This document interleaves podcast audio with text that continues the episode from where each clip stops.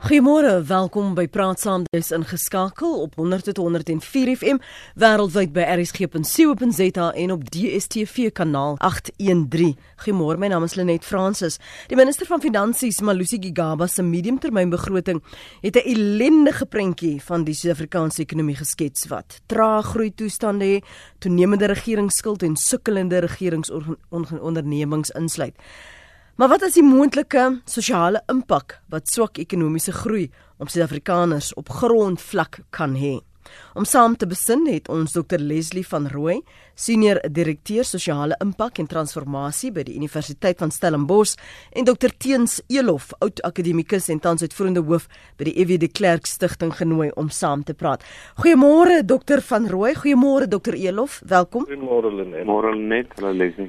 Baie dankie vir julle tyd vanoggend. Um julle vinnige reaksie op daardie uitgelekte uittreksel van die Jeugkommissie se bevinding dat gratis onderwys in hoër uh, by hoër onderwysinstellings nie in die afsienbare toekoms moontlik is nie. Dr Teens Elof, jy was darem 'n uh, fisiekanselier.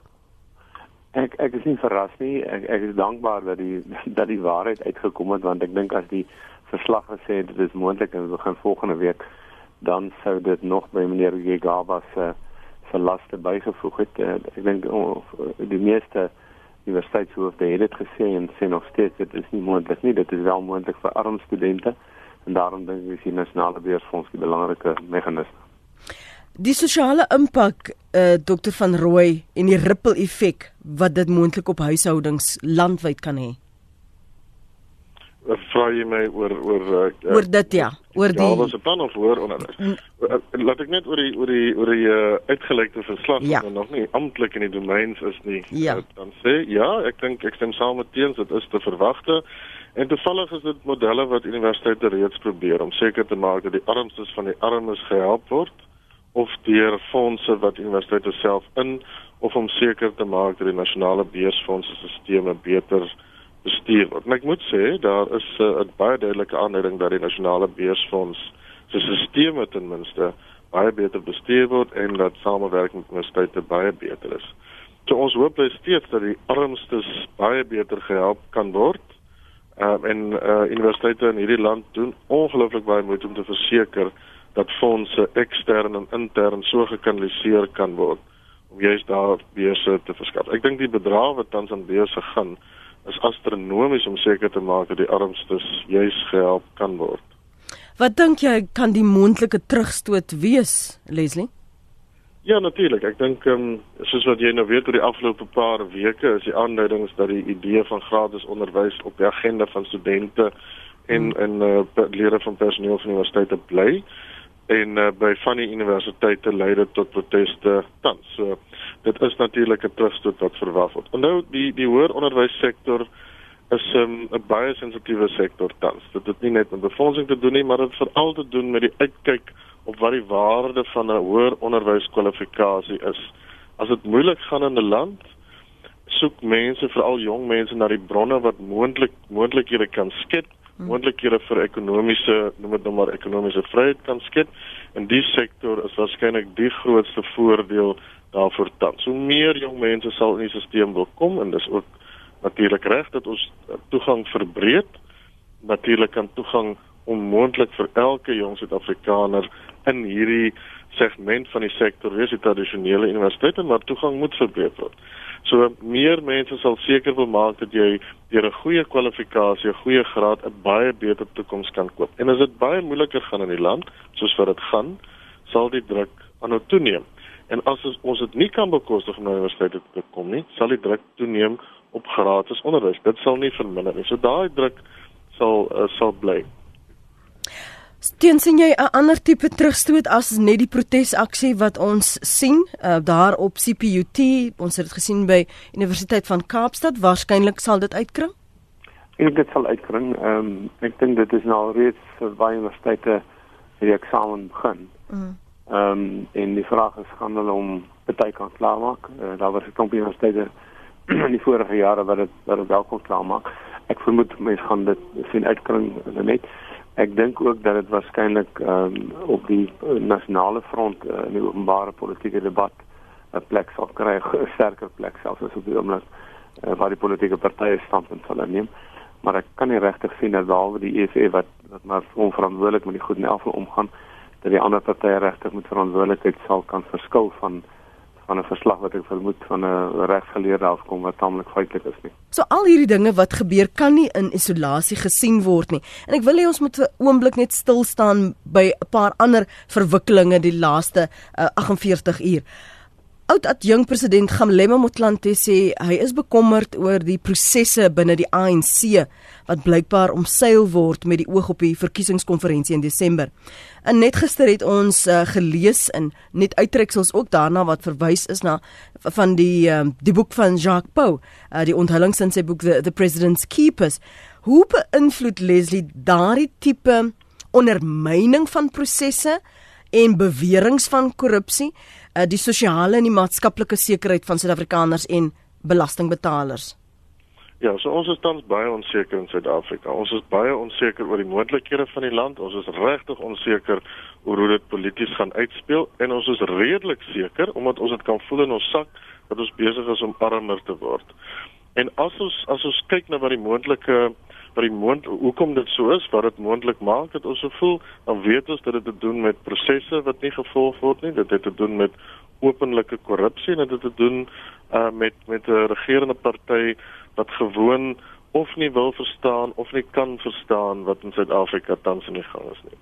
Hoe meer ons sien dat prosesse nie gevolg word nie, hoe meer onseker word ons natuurlik oor wat ons rol in die land is, wat ons kan verwag en dit raak direk ons verhoudinge met mekaar. Dis geen verbasing dus dat ons sosiale kohesie laer en laer afgaan nie en dat ons sukkel om met mekaar oor die weg te kom voeg daarbey dat as jy nie gesonde prosesse kan volg nie, politieke prosesse, ekonomiese prosesse, beleidsake nie, die moontlikheid van beleggings intern Suid-Afrikaners wat belê in die land, groot besighede se beleggings en natuurlik die beleggings internasionaal onder druk bly. En hierdie ekonomie is gebou op die moontlikheid om daarin te investeer en te belê om die masjien aan die gang te kan hou, om werk werke te kan skep, werkskepping te kan bevorder om Suid-Afrika se bruto binnelandse produk laat groei ensovoorts. So minder ons van hierdie gesonde prosesse het en hoe meer ons seker ons word oor die politieke toekoms, hoe meer sukkel ons om as Suid-Afrikaners vorentoe te dink aan moontlikhede wat anders is en as moontlikhede wat beter is. Dit het 'n direkte impak op ons verhoudinge onderling met mekaar. Ons sukkel om mekaar nog meer te verstaan en raak te kan sien. En as ons nie ekonomiese politieke stabiliteit kan vestig nie, as ons moontlikheid as land om regtig 'n ekonomiese groei impak te kan maak op werkskepping minder en minder. En dan gaan die spiraal aan en aan en aan en die effek daarvan is waarskynlik meer gewelddadigheid en onderlinge misverstaan wat tot 'n klomp ander goed lei soos wat ons in die land sien en weet En natuurlik is die gevolg ook dat 'n jong generasie mense sien, mense waarskynlik vir my geen toekoms nie. Ek moet aan ander maniere dink om myself te kan voed en te kan oorleef. En ons weet wat die effek daarvan is. Dit sien ons reg oor die wêreld. So teens is ons uitgelewer. Kyk, ons is in 'n sekere mate uitgelewer. Ek wil lees net die groot prentjie geskets het ek bietjie in in uh, Zoom daarop net sê dit begin by die politieke onsekerheid. Ehm um, En as twee faktore wat gaan in die ANC leierskap stryd gebeur uh en gaan die prosesse daar gevolg word en en tweedens wat gebeur op die oomblik hoeveel geld word dan nou nog daagliks gesteel uit die uit die fiskus uit so ek dink dit maak dat gewone mense soos net sê onseker is maar dat uh, die buitelandse beleggers en die binnelandse beleggers net sê ons wag ek wil ek ek is betrokke by 'n hele klomp dinge onder andere die nasionale uh, stigtingsdialoog mens kan nie glo nie nege van die stigtings die Mbeki stigting, die hele Suzulu stigting, die stigting, die Tutu stigting. En ons kan nie geld kry by sake mense wat hulle sê ons wag. Ons wag om te sien wat gebeur Desember. Ek dink dis 'n baie goeie voorbeeld van hoe sake mense wat andersins bereid is om te gee mm. uh, vir goeie sake net sê net ons wag. Nou dis die, dis die een kant van die saak. Die tweede kant van die saak is dat ons sit in 'n fiskale probleem en die minister Gigaba het dit baie duidelik. Dis om ter ere nagee dat hy ten minste die doekies omgedraai het nie. Uh, hy het gesê ons het nie geld nie en die, die moeilikheid word al groter. Ons begrotingskort word al groter. En dit maak natuurlik dat ons uh, die, buiteland sê ons nie fiskale dissipline nie en die sogenaamde fiskale afgrond lê vir ons in loer. En ek dink as daar 'n volgende afgradering kom die die rede hoekom net die rand op die oomblik nog relatief hou nou jy sien by 12 13 is dat daar ontsaglik baie buitelandse ehm uh, uh, makelaars in ons staatseffekte belê. Want ons staatseffekte betaal nog meer as wat hulle kry in hulle eie lande. Maar die oomblik as ons ons volgende uh, afgradering kry en ons uh, randstaat ons randstatus word ook afgegradeer beteken dat daai mense is dan wetlik verplig om hulle beleggings te onttrek uit staatseffekte en dit dit kan tussen 40 en 50 miljard rand uit die ekonomie uh, onttrek en dan tot dan tot 'n regtig moeilikheid. Ons dink ons het nou moeilikheid. So hy, hy lê vir ons in loer hmm. en so ons is uitgelewer in die sin dat min van ons het, het kan impak hê op die uitkoms van die van die ANC presidentsverkiesing. Ehm um, daar sal waarskynlik 'n bietjie meer duidelikheid wees as dit dat ek maar reg het sê as dit as dit 'n uh, uh, nie uh persoon is wat nie van dit met Z begin nie dan mag die markte bietjie reageer maar dit sal nog steeds 'n lang en harde pad wees om die ekonomie reg te kry. Die ekonomie is die afgelope 4, 5 jaar in die grond bestuur, hy's besteel mm. en dit gaan nie oornag regkom nie. Maar dit weet ek het, ek sê altyd selfs al word Engel Gabriel president van die land sal hy nog 6 jaar vat om gemors reg te maak. So daar's 'n moeilike en 'n styl pad vir ons. Ek dink daar en daai opsig moet ons as gemeenskap in mekaar kyk en nie soos wat ek dink in Leslie het ook daarna verwys begin skuld gee en vingers wys nie. Ek, ons is almal in hierdie bootjie. Mm. En dis nie dat iemand in 'n ander bootjie is nie. Konnie jy's op lyn 2. Goeiemôre.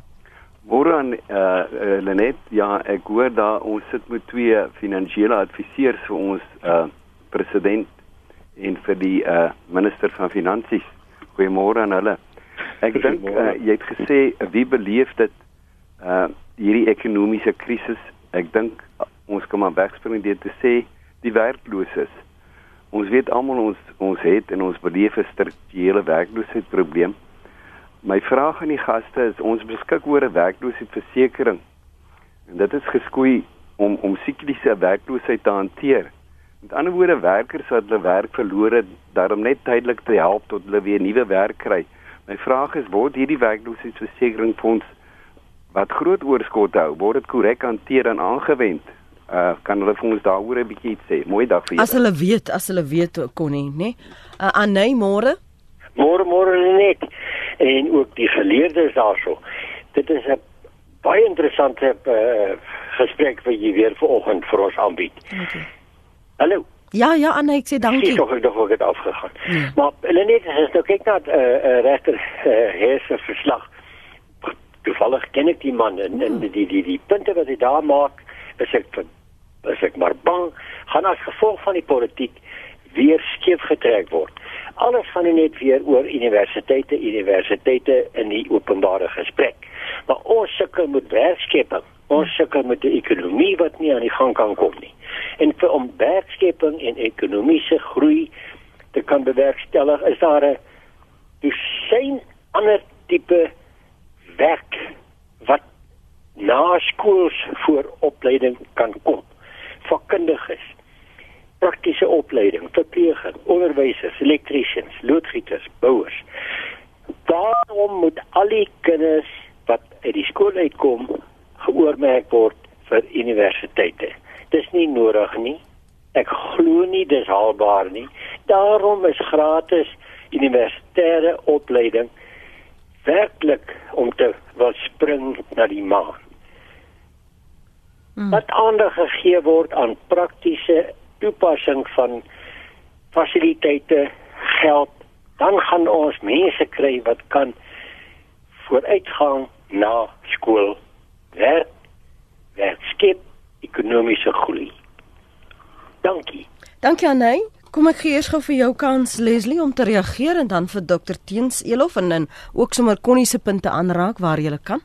Ja die werkloosheidsversekeringsfonds sal ek begin. Dit dit funksioneer ehm um, daar is mense wat na hulle uit diens gestel word, daar gebruik maak, moet gebruik maak van fondse en fondse ontvang. Maar mense moet onthou dat jy natuurlik wanneer jy jou werk het bydra tot die fonds en dat dit 'n relatiewe klein fonds daarom is want ehm um, nie almal wat werkloos is voorheen gewerk het of wel uit of enigstens uitsien na die kans om te werk. So die fonds mag dalk 'n groot bedrag lyk, maar hoe uitbetaal is is in 'n klein groep. As jy nie gewerk het nie en as jy werkloos is, is daar natuurlik ander mate van sekuriteit, uh, die toelaag waaroor ons later sal praat ensovoorts wat moet help en en wat kan help. Maar maar dit lyk tog of die of die fonds ten minste help om 'n persoon oor 'n 3 of so maande periode uh, weer op sy of haar voet of ten minste stab, stabiel te hou in die soeke na volgende werk. Hmm. Oor die idee van universiteite heeltemal reg. Dit is so in Suid-Afrika en dis wêreldwyd so, maar dit is 'n bietjie die argument is 'n hoender of 'n eier argument want as ons nie ander moontlikhede vir werk het nie, En hier is 'n goue gans wat eiers lê deur 'n graadsertifikaat te gee en vir jou toekoms te kan koop. Hoekom op dis aarde sou jy dit nie wil hê of wil oorweeg nie? Wel as daar ruimtes is vir vir die skepping van werk in ander sektore, wat beteken dat jy ekonomiese moontlikhede vir jouself kan maak? Natuurlik, dan as universiteitsopleiding nie moontlik nie. Daai voorbeeld in Suid-Afrika is min En dit is ook so dat gegee hoe die ekonomie draai en hoe ons ons vooruitsigte sien, waar die rolmodelle is, wat gebeur in Suid-Afrika en so voort, die idee van hoër onderwys, soos wat ek glo dit onderdruk bly. Ons weet dit is nie moontlik vir almal om na universiteit te kom nie. Ons weet dat dit waarskynlik ook in die beste scenario's nie moontlik is nie. Maar die realiteit is dat ons die druk baie hard ervaar omdat mense weet met hierdie vryheid wat ek hier kan kry terme van my geleenthede en ekonomiese moontlikhede, is dit waarskynlik die beste pad om my vryheid te bied, my familie vryheid te bied en 'n volgende geslag ongelooflike moontlikhede te kan bied. Dis waar nou dit was waar terug in die in die 30s en die 40s en die 50s en die 60s. Dit sal vir 'n tyd lank in die konteks van Suid-Afrika nog waar wees gegee die penaries waarin ons ekonomies is. Tens net die die kwessie van die werkloosheidsfonds ek dink hy werk redelik goed ek dink maar ek dink ons moet verstaan dit is nie 'n permanente oplossing dit is soos jy het dis letterlik om iemand wat gewerk het wat 'n bydrae gemaak het vir 'n tyd lank te help. En die teorie is dat hy dan weer 'n werk moet kry. Natuurlik hy sy kry nie altyd weer die werk en dis dis waar ons strukturele probleem lê. Oor die ander saak kan ek net saamstem. Ek dink ek wil iets daarby voeg en dit is dat ek dink ons sal gedwing word om te kyk daarna dat ons ons eie werk moet skep. Ek sê nie dat jy moet 'n opleiding kry nie. Ek ek is bekommerd oor die oor die fasiliteite en instansies wat ander naskoolse opleiding gee as universiteite. Uh, die die sogenaamde die ou uh, verder onderwys en opleidings uh, colleges mm. is nie 'n uh, uh, eintlik 'n toonbeeld van sukses en en, en kwaliteit nie. Vak vak leerlingopleiding bestaan amper nie meer nie. Ek dink ek dink Soltech is is een van die wat wat hulle bes doen maar klein klein groepie duisend studente maar betrek.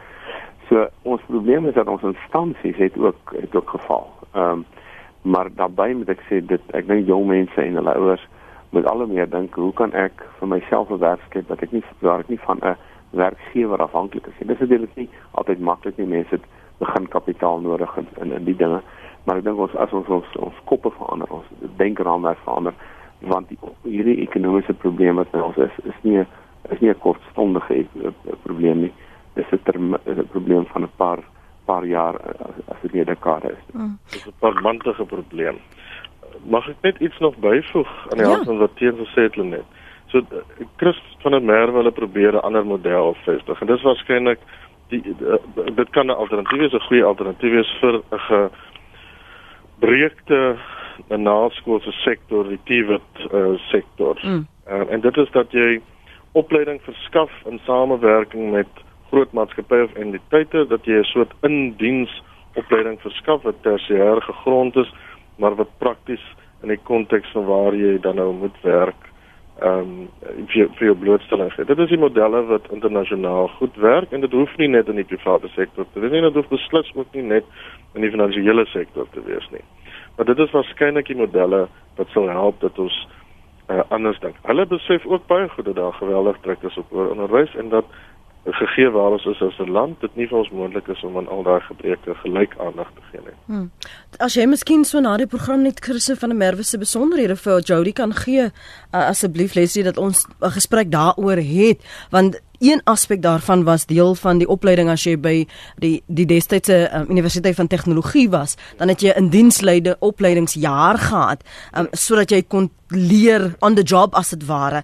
Um, ek wil terugkom na 'n ander ding wat jy net nou genoem het oor die die die die traagheid van sommige beleggers uh, in hierdie nasionale stigtingsdialoog teens net vir miskien vir ons bietjie daaroor te gesels want um, ek was by 'n konferensie oor oor onderwys en befondsing en die twee goed wat vir my daar uitgestaan het was dat al hoe meer um, filantrope vanuit Afrika vrygewig is en individue wat gee en en so dan veral aan universiteite met die krisis wat ons ervaar het en so ook uit die privaat sektor al hoe meer en dat daar wetlik 'n toename was. Het julle dit ervaar? Sien julle dit op grondvlak Kyk, ek dink daar is baie maatskappye en filantrope wat vir onderwys bereid is om te gee en, mm. en dan gaan gee hulle meestal beurse. En dit is baie belangrik. Ek dink dit sluit aan by ons hele probleem van NSA ook ek waarvan ek hier praat is vir ander dinge. Hierdie is nou 'n makro hmm. inisiatief deur nege stigtings om 'n dialoog aan die gang te kry want, want soos wat Lesie gesê het ons beskuldig mekaar ons sosiale kohesie is besig met mekaar te val. En die doel van daai stigtingsdialoog is juist om te sê ons moet weer met mekaar begin praat. Amper soos wat ons met mekaar begin praat het rondom die vredesproses in die in die vroeë 90's. En ons kry letterlik nie daarvoor 'n sent in die hande nie. Uh, en en die terugvoer wat ons kry is dat die die, die gewone mense wat weer mens gewone gevra die sake mense sien net gewoonlik man ons moet wag en kyk wat gebeur want as die ergste gebeur in in in in November en Desember bedoel ek dan gaan ons niks meer gee nie en as daar iets positiefs gebeur dan sal ons weer begin gee so ek dink dit sluit dalk net onderwys uit maar ek vermoed dat uh, in in die omgewing waar mense uh, geld vir ander doele insamel mm. uh, en en en nodig het dat dieselfde probleem voorkom dat die dat die kraantjies 'n bietjie opdroog. Natuurlik voel baie uh, baie maatskappye se se koöperatiewe uh fondse wat hulle uitdeel uh vir, vir, vir sosiale investering is gekoppel aan as 'n persentasie van hulle wins. Uh en as die hmm. wins laer is, is daai geld minder. So dit is dis ook 'n dis ook 'n verstaanbare en 'n logiese rede hoekom dit so is. En jy het net nou gepraat en ek wil hier vir 'n oomblik stil staan omdat ons oor oor geld praat. Ons praat oor fondse.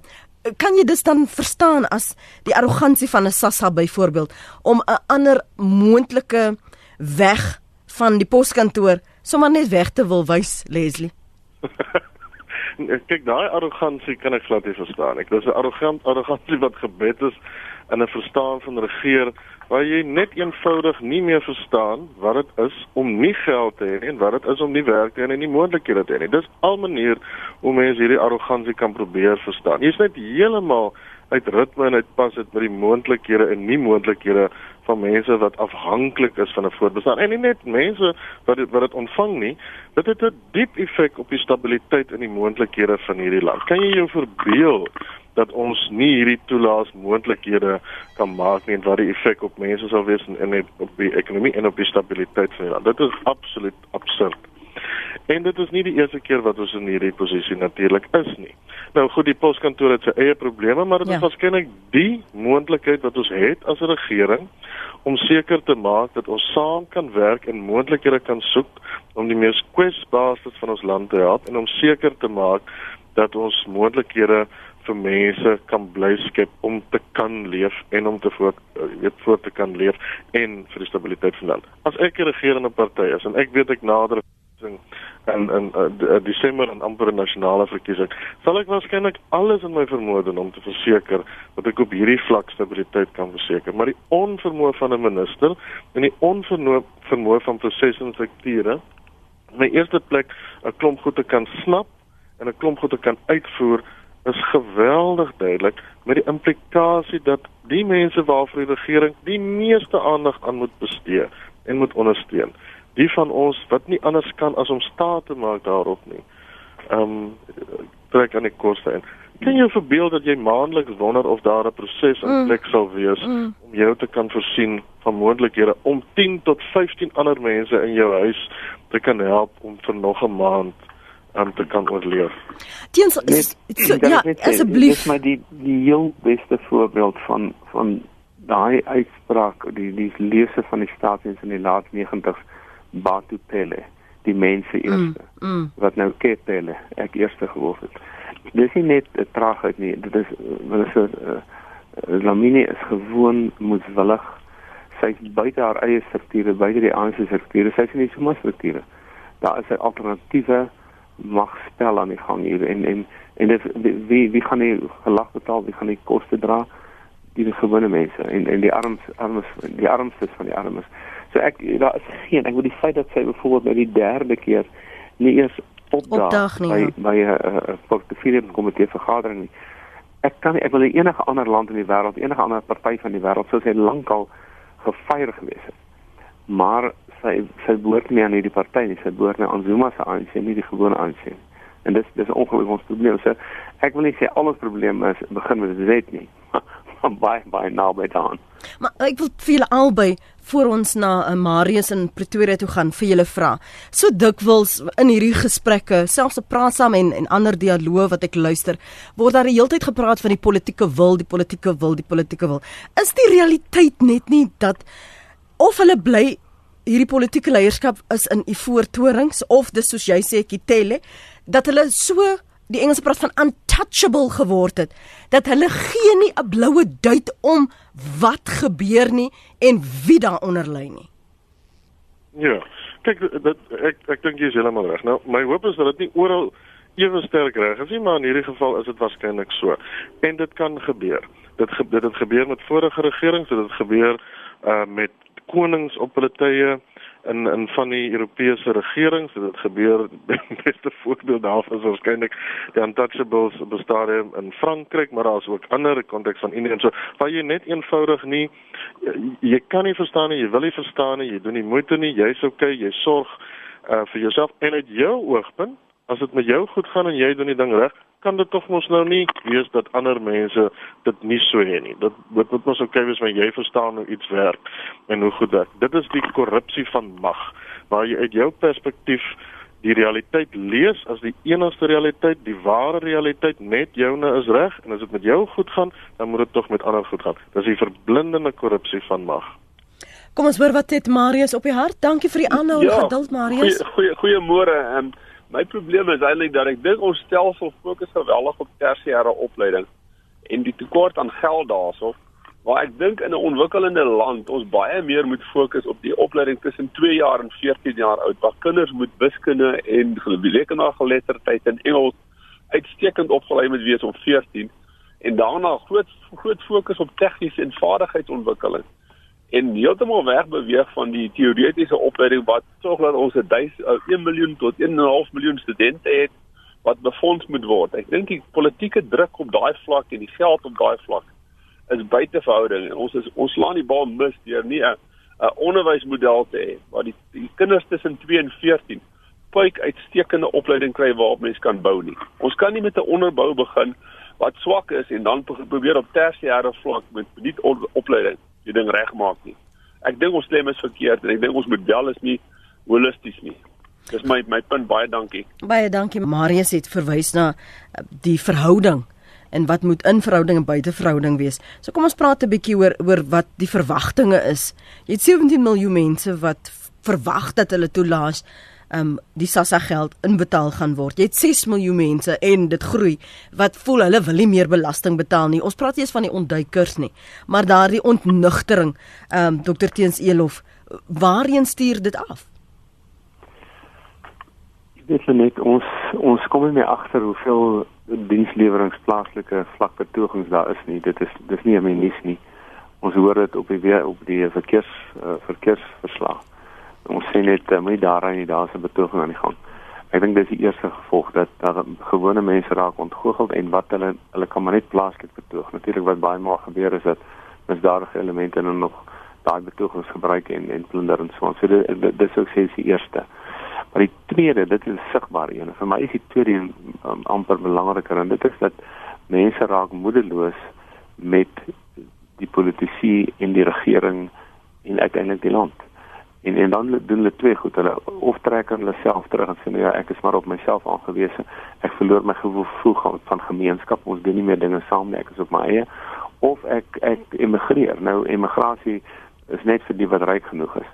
Maar daar's ook emigrasie in mense in mense kop dat jy net onttrek mm, van die land. Mm. en ek dink dis vir my op die op die langtermyn in die langtermyn die die grootste probleem dat mense raak ontgoocheld en en dan en dan na Frans hoekom eh, is daar so lae stempersentasie met verkiesings.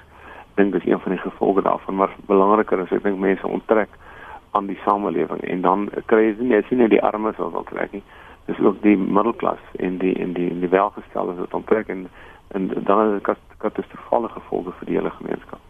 Ek lees gou vir julle wat skryf van ons luisteraars hier op ons webblad. Een sê die sakkie uh, pensionaris wat sê vat alles, alles weg van die minister is nou in Batamili uh, um, Lamini en gee haar 1600 rand per maand vir 3 maande en kyk of sy daarop kan oorleef met 'n paar vraagtekens.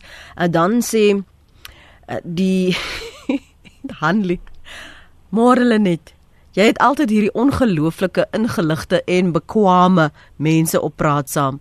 Wil jy nie asseblief hulle name deurgee vir ons geagte president nie? Ek is seker hulle sal met briljante en haalbare oplossings kom. Baie geluk met pypprogramme en kinders van onderwerpe. Baie dankie vir die kompliment, maar ek weet nie eers of of mense moeite moet doen nie, want ons sal die aksie miskien kry is I'm applying my mind. So ek weet nie of ons daar enige sukses sal hê nie, maar dankie vir die voorstel. Ek het dit nou gelees. Ehm um, dan sê 'n ander een Uh ons moet fokus op primêre onderwys op standaard is tans nie gratis nie. Daar slaan die luisteraar die spyker op die kop. Dis natuurlik weer die verwysing na wat ons binne die hoër onderwysstelsel en en dan ook grondslagfases moet na kyk. Nou het ons 'n ander dilemma na aanleiding van wat Malusi Gigaba, minister van finansies se mediumtermynbegroting vir ons uh, openbaar het verlede week, Leslie en dat die belastingverhoging in Februarie moontlik gaan kom. So wat gaan wat 'n impak op die 6 miljoen wat nie wil meer betaal nie.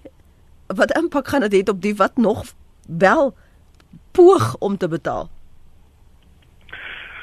Uh kyk net ek vermoed hy het uh baie min keuses. Uh, ons het nie geld nie. Ons het ja. nie belasting ons het nie, ja, ons kan maar hoe daarom ons kan nou hoe mooi broodjies probeer. Ons het nie geld nie. Dit is net ons het is. Geld. Dit is die, dit is die, en hy weet dit baie goed. Dit is nie so moeilik om te verstaan nie. So hoe kry jy meer geld?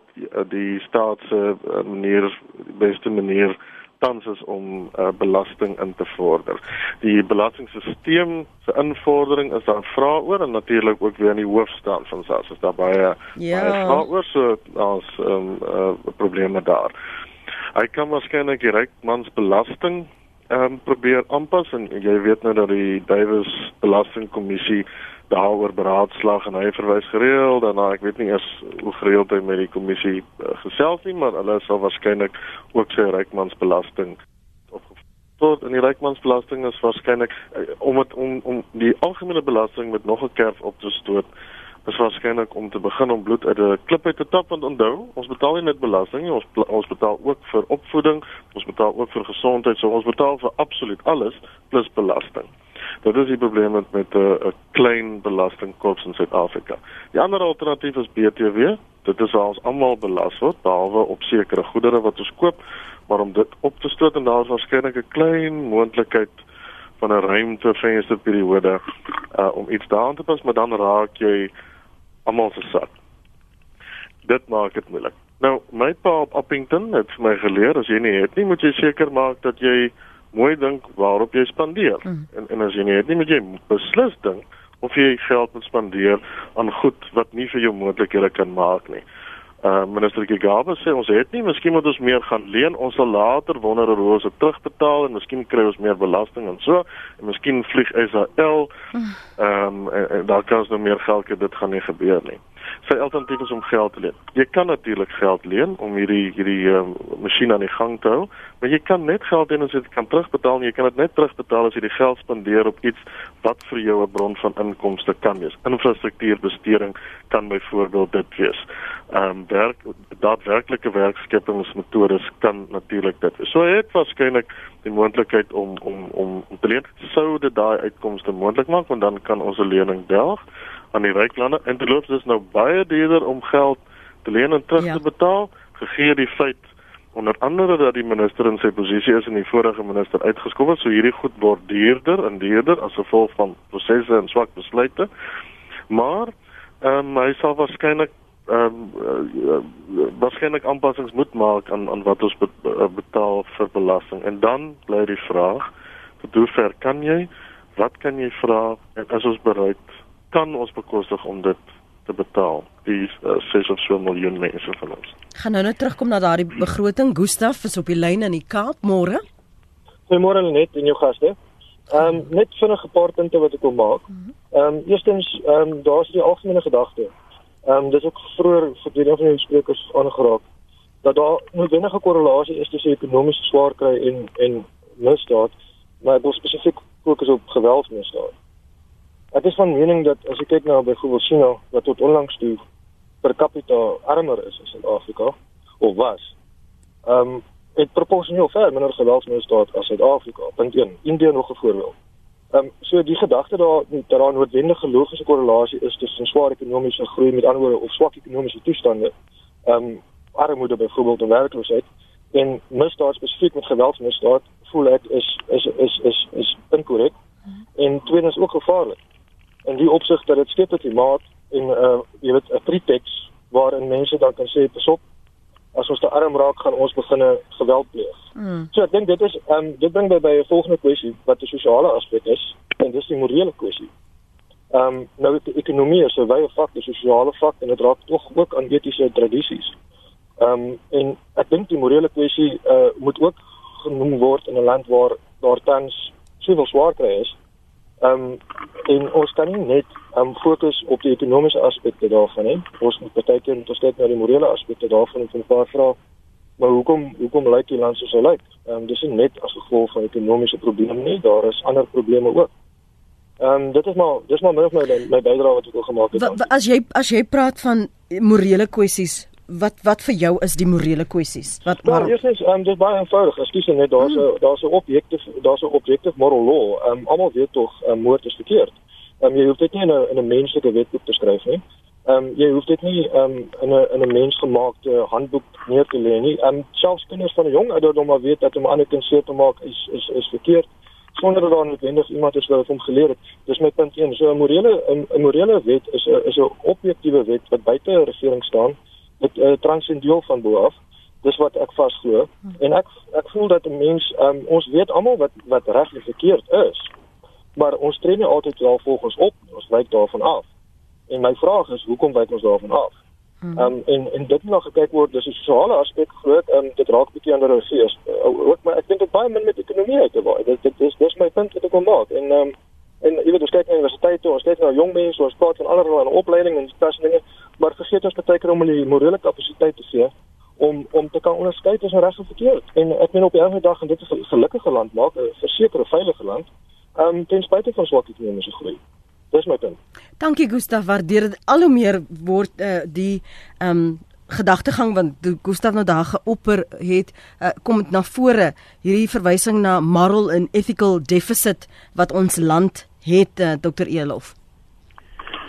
Nee, ek dink dit is 'n baie belangrike punt. Eh uh, studies het getoon dat dat Suider-Afrika, nie net Suid-Afrika nie, se se misdade is baie meer gewelddadig as die res van Afrika natuurlik oor die res van die wêreld. En en daar's nog genoeg navorsing gedoen oor hoekom dit so is nie. Dit is so sê net Suider-Afrika, dit is ook uh, Swaziland, dit is ook Zimbabwe, Zimbabwe, uh, Zambia en so aan. So ek dink daar daar het 'n punt dat dis nie maar net verskoning nie. Ek ek dink natuurlik so as mense as mense honger is, sal hulle uiteindelik eh, begin uh, steel, maar dan steel hulle sonder om dood te maak of sonder om aan te val of sonder om te verkrag. En by ons het ons het ons gaan 'n bietjie verder, veral nou met met, met plaasaanvalle. So ek dink die die kerke sal harder moet werk en en en en ek dink die kerke ten minste nou in die afgelope 2, 3 jaar ook die morele hoëgrond wat betref ons politieke situasie ja.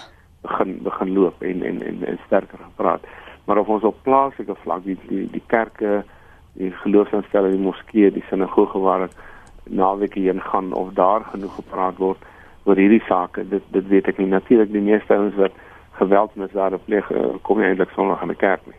Mm. Dit is jou dis jou groot probleem. Ek wil net net terugkom na die belastingsaak as ek mm. mag vinnig. Asseblief. Eh, Daar's wat my betref drie redes hoekom ons hoekom ons nie geld het nie. Die een is wanbesteding van huidige fondse en dis nie noodwendig die staal, dis net wanbesteding. Die tweede is die stal wat ons nie weet hoe groot die skaal daarvan is nie, maar die derde uh wat ek dink nie ons moet vergeet nie is ons het 'n klein ekonomiese groei en 'n te klein belastingbasis. As ons sal begin om te sê kom ons sit maatreëls in plek om beleggingsvertroue weer te kry sodat daar ekonomiese groei kom sodat ons ons belastingbasis kan verbreek, dan kan ons weer meer geld hê. So is ek ek dink ons moet dit nooit uit die oog verloor dat die grootste probleem. Die ander goed kan jy regmaak. Maar die grootste probleem wat ons nou mee sit is dat ons het nie meer ekonomiese groei nie. So die die die, die 50 miljard wat ons nou wat ons tekort het, is 'n groot deel daarvan is dat dat maatskappye betaal nie meer soveel belasting maar hulle maak nie seker soveel geld nie omdat die ekonomie traag is. En dis die bose kringloop waarna Leslie ook voor. As jy erns moet ons 'n uh, inbraak maak, 'n deurbraak maak in daai bose kringloop. En ek kan net dink dat dit met met met uh, beleggers vertroue en en beleidsekerheid begin. En nie meer uitsprake van ons nasionaliseer dit en ons nasionaliseer dat nie, maar eerder kom ons werk saam en ek dink almal in Suid-Afrika stem saam dat ons inklusiewe groei nodig het. Niemand sê dis 'n kwessie van die die, die wit monopolie kapitaal of swart monopolie monopolie kapitaal mm. met ryker word nie. Dit moet inklusiewe groei wees. Dit moet ook die armes bevoordeel. Maar ons ons het nie die politieke wil of op enige omstandighede hier reg om daai inbraak te maak en 'n en 'n 'n begin te maak om die bose kringloop te stop nie. En hierdie kringloop sin speel daarop dat die die gaping wat ons gehad het raak al en al en al hoe meer weier. Um dit raak letterlik 'n afgrond uh, Leslie want jy het aan die een kant hierdie rykers en dan die armes armes armes en en wie gaan vir wie help en wie gaan vir wie red? Ja, kyk jy kan baie duidelik sien dat dit hele vir baie beter psigoloog is as ek uit die punt baie netjies saamgevat. Uh, laat ek net dit sê. Ek dink as Suid-Afrikaners is ons bereid om te help, is ons bereid om te gee. Ons was verlede week in die die Weske streek, is universiteitsgemeenskap en daar is wonderlike modelle uh, van hoe burgers doelbewus besluit om te investeer nie net in ekonomiese groei en ontwikkeling nie, maar sommer net in die beterskap van mense in die omgewing. Ons werk met verskillende munisipaliteite veral in hierdie provinsie waar rade seker maak dat hulle verder uh, opgelei en en, en verder kan uh, saam kan dink oor oplossings in hulle in hulle streke en hulle dorpe en so ongelooflik baie moontlikhede en potensiaal. En as jy enige belastingbetaler vra, ek sal dit myself vat en sê jong, ehm um, Suid-Afrika is op 'n traject waar almal vorentoe gaan, waar ons almal beter af gaan wees en waar daar moontlikhede vir almal sal wees, van die armstes tot die rykstes. Is jy bereid om te investeer ook deur belastinggeld in hierdie moontlikhede? As hulle sê ja, daai maatskappye waarvan teenspraak, dis maatskappye wat sê ons wil in hierdie land investeer, ons is net nie seker of dit die regte moment is om dit te doen nie. As jy stabiliteit is en dis moontlikhede, dan investeer ons daarin. Daar's genoeg daarvan in die sosiale weefsel van Suid-Afrika om dit te laat werk. Die vraag is net of ons struktureel en prosesmatig van die regering se kant spesifiek daai moontlikhede waar kan maak sodat ons daarop beter kan vervul. Anders gooi ons nou geld in 'n bodemlose dit dan is ons by die afgrond want om nou meer en meer te gooi en te investeer in hierdie onsekerheid en hierdie onstuimigheid mm. gaan ons waarskynlik nie ver bring nie. So wat doen ons dan in die tussentyd teens? Ek het nou gedink, uh, jy gaan maar vra vra net my. Kyk, ek dink ek dink alle mense en en ek praat miskien nou meer met luisteraars van RSG wat waarskynlik middelklas mense is. Uh sal hulle belde moet suiwer intrek en en soos Leslie se pa gesê het, sal moet dink het ek hierdie ding nodig en ek moenie verder skuld maak nie. So ek dink dis noem dit 'n persoonlike oorlewing. Mm. Die tweede ding wat ek sou sê met teologiese agtergrond kom net deur is om met die bietjie wat ons almal het ook te weet as mense wat nog minder, nog minder as ons het en dat mense deur kerke en welsynsorganisasies bly om bydra te maak. Daai daai mense doen ontsaglik goeie werk onder die armes. Ons kan nie ons kan nie net vir na onsself kyk nie. En dan derdens dink ek ons as as politieke burgers as aktiewe uh, aktiewe deel van die burgerlike samelewing sal moet waar ons ook al kan druk sit op alle politici. Nie net een party se politici nie om vir ons 'n beter omgewing te skep waarin waarin dit waarin dit moontlik is dat ekonomiese groei kan wees. Ek ek ek dink tog dat ek is nie moedeloos nie. Ek, ek ons het ons het ons ons gaan deur 'n moeilike tyd en ons dit gaan nie maklik word vir voor 2019 nie. Maar ek dink altyd daaraan as mense nou terugkyk in 'n in 'n land se geskiedenis. Ons is nou 23 jaar as 'n as 'n nuwe land is ons aan die gang. Dan is dit 10 jaar van 'n zomerregering baie, maar hoe verder ons vanaf weg gaan. Ek, ek sê altyd as mense die mense in 2070 gaan sê maar dit gaan nie so goed in Suid-Afrika. Daar was so 'n blip op die radarskerm daar rondom 2010. Wat was sy naam nou weer met die wet begin? Ja. Of dit, dit dit dit is nie die einde van die wêreld nie. Dit is eintlik 'n kort tyd in 'n land se se bestaan en ons sal hier oorkom. Uh ons moet net ons mense saam staan. sien ons het daai geestelike uh absoluut om manne nodig gehad. al al nie um, gegee in die lig van die feit dat ons ons uh protesterende protestantse wortels herdenk uh hierdie week 500 jaar na Luther se stellinge. Ja. Die Wittebergse kerk. Moet ons dan proteseer? Maar ek weet jy jy het ook daarom of so geestelike invloed. Wat is dit die les wat jy uh, vir studente gee in terme van die voorbereiding vir eksamen en ja, die omstandighede waarin hulle hulle self bevind? Jy het net nou gesê die optimisme wat jy in een van die gemeenskappe ervaar het. Wa, waar waarheen slaan ons ons oë op? Ja, die moontlikhede van die land. Ons was al in baie moeiliker tye in hierdie land. Ons is deur diep waters in die land se geskiedenis. Die bietjie bietjie teologiese historiese agtergrond wat ek het, maak dit ek jy, kan sien dit teens is heeltemal reg. Dit dit mag dalk in die toekoms lyk soos 'n 'n kollektief uh, wat wat uh, vir 'n oomblik op die rade verskyn het as 'n negatiewe, maar daar's ander moontlikhede. Dit is deel van ons wese. Ons weet om as Suid-Afrikaners vorentoe te kan dink, hoop en beplan. Ehm um, amper soos 'n uh, liter destyds uh, 500 jaar terug. Maar ons is op die punt waar ons sê soos wat dit nou is, kan dit nie aangaan nie.